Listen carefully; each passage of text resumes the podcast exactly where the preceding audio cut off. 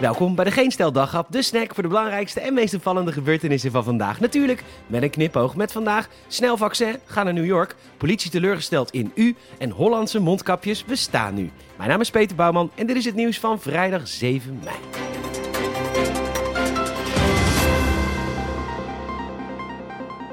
Als je snel een coronaprik wil, dan is het inmiddels wel duidelijk dat je niet in Nederland hoeft te zijn. In de Verenigde Staten klotsen de spuitjes inmiddels tegen de plinten en dus willen ze in New York toeristen gaan vaccineren. Dat meldt HLN. Ze willen daar mobiele vaccinatielocaties openen op toeristische plekjes in de stad. Iedereen die een prik wil, kan er een krijgen, van Jansen wel te verstaan. Alleen moet er wel nog even een wet aangepast worden om dat mogelijk te maken. Als dat gebeurd is, kun je direct een vakantie naar New York boeken. De horeca is al daar sinds begin deze week weer open. En vanaf 1 juli moet het in de hele stad weer als vanouds zijn. En dat is sowieso veel eerder dan de meeste Nederlanders hun prik zullen krijgen. Boeken dus. Ja, burger, de politie is diep en diep en diep teleurgesteld in u. Het Brabants Dagblad merkt op dat ze daar een verdacht wit busje hebben geparkeerd op verschillende plaatsen en niemand heeft daarover de politie gebeld. Roestplekken, ruitenwissers die ontbreken, blauwe plastic handschoentjes op het dashboard en u deed helemaal niks. Schandalig, al dus agent Mitchell, ga maar goed bij uzelf te raden. Deze agent heeft de lokbus in verschillende Brabantse plaatsen geparkeerd en de bevolking vermoedt niet dat het een drugsbusje is. En dat is dan gek? Nee, dat is natuurlijk heel logisch. Ten eerste zijn er heel veel lelijke auto's. Of auto's met plastic handschoenen en jerrycans erin. Want ja, weten wij burgers veel. Het kan een aannemer zijn, een stukje door, een wetenschapper die gewoon geen fuck geeft om een mooie auto. Ten tweede, heb je wel eens aangifte proberen te doen? Dat is bij kant onmogelijk. Ten derde, wekelijks zit er in een talkshow wel een politieagent te vertellen over hoe druk ze het allemaal wel niet hebben. Dat jullie het niet meer aankunnen. Corona-demo's, agressie op straat en het ergste van alles papierwerk. De lieve burger gaat jullie echt niet storen omdat er ergens een lelijke bus met chemicaliën staat. Jullie hebben het al druk genoeg met het parkeren en in de gaten houden van lokbusjes.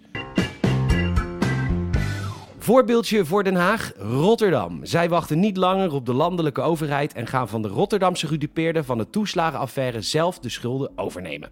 En dat is fantastisch, want er staan natuurlijk schuldeisers op die mensen te wachten. En die kunnen dan weer direct beslag leggen op die 30.000 euro die ze krijgen.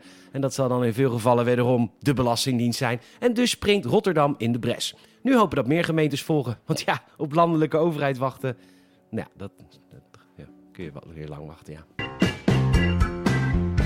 Wat waren we allemaal lekker aan het wereldburgeren, hè? Goedkope arbeid voor dure telefoons, nog goedkopere arbeid voor die troep bij de Action. We shoppen waar het goedkoop is.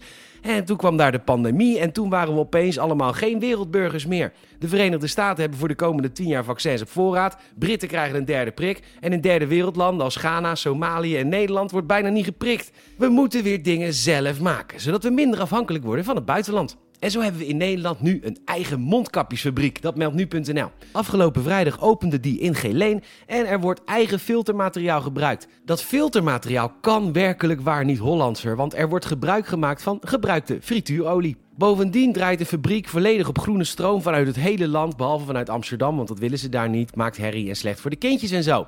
Enfin, welkom Dutch PPE Solutions. En top dat we nu bloedeigenste chirurgische mondmaskers maken van type FFP2 en IIR. En laten we daar niet mee stoppen. Ik wil een Nederlands ruimtevaartprogramma, oer-Hollandse palmbomen en Nederlandse Bengaalse tijgers. Wat zouden we dan toch echt een gaaf land zijn? Bizar onderzoek bij de Universiteit van Wageningen. Daar hebben ze de afgelopen week voor het eerst honingbijen getraind om corona op te sporen. Leon Schipper, een van de onderzoekers, denkt ermee in de toekomst veel pandemieën te kunnen voorkomen. Dat meldt Omroep Brabant. En geen jarenlange LOE-cursus is er voor nodig. De bijen hebben een training van enkele minuten. Na die training steken ze hun tong uit als ze corona hebben gespot, in dit geval bij nertsen. En er is nog meer ontdekt, want het blijkt dat honingbijen getraind kunnen worden om veel meer verschillende ziektes op te sporen. Net zoals ze vanaf kilometers afstand ook bepaalde bloemen kunnen ruiken dus. De ontdekking komt volgens Schipper wel iets te laat, had het liever anderhalf jaar geleden ontdekt, maar voor de toekomst zou het absoluut kunnen helpen. De uitdaging is nu om deze techniek over te zetten in een chip, zodat het gerichter in te zetten valt. Wordt vervolgd en go bij! Bedankt voor het luisteren. Je zal ons enorm helpen als je een vriend of vriendin vertelt over deze podcast. En ook een Apple Podcast review zouden we top vinden. Komen we hoger in al die lijstjes. Vinden we leuk. Fijn weekend en tot morgen.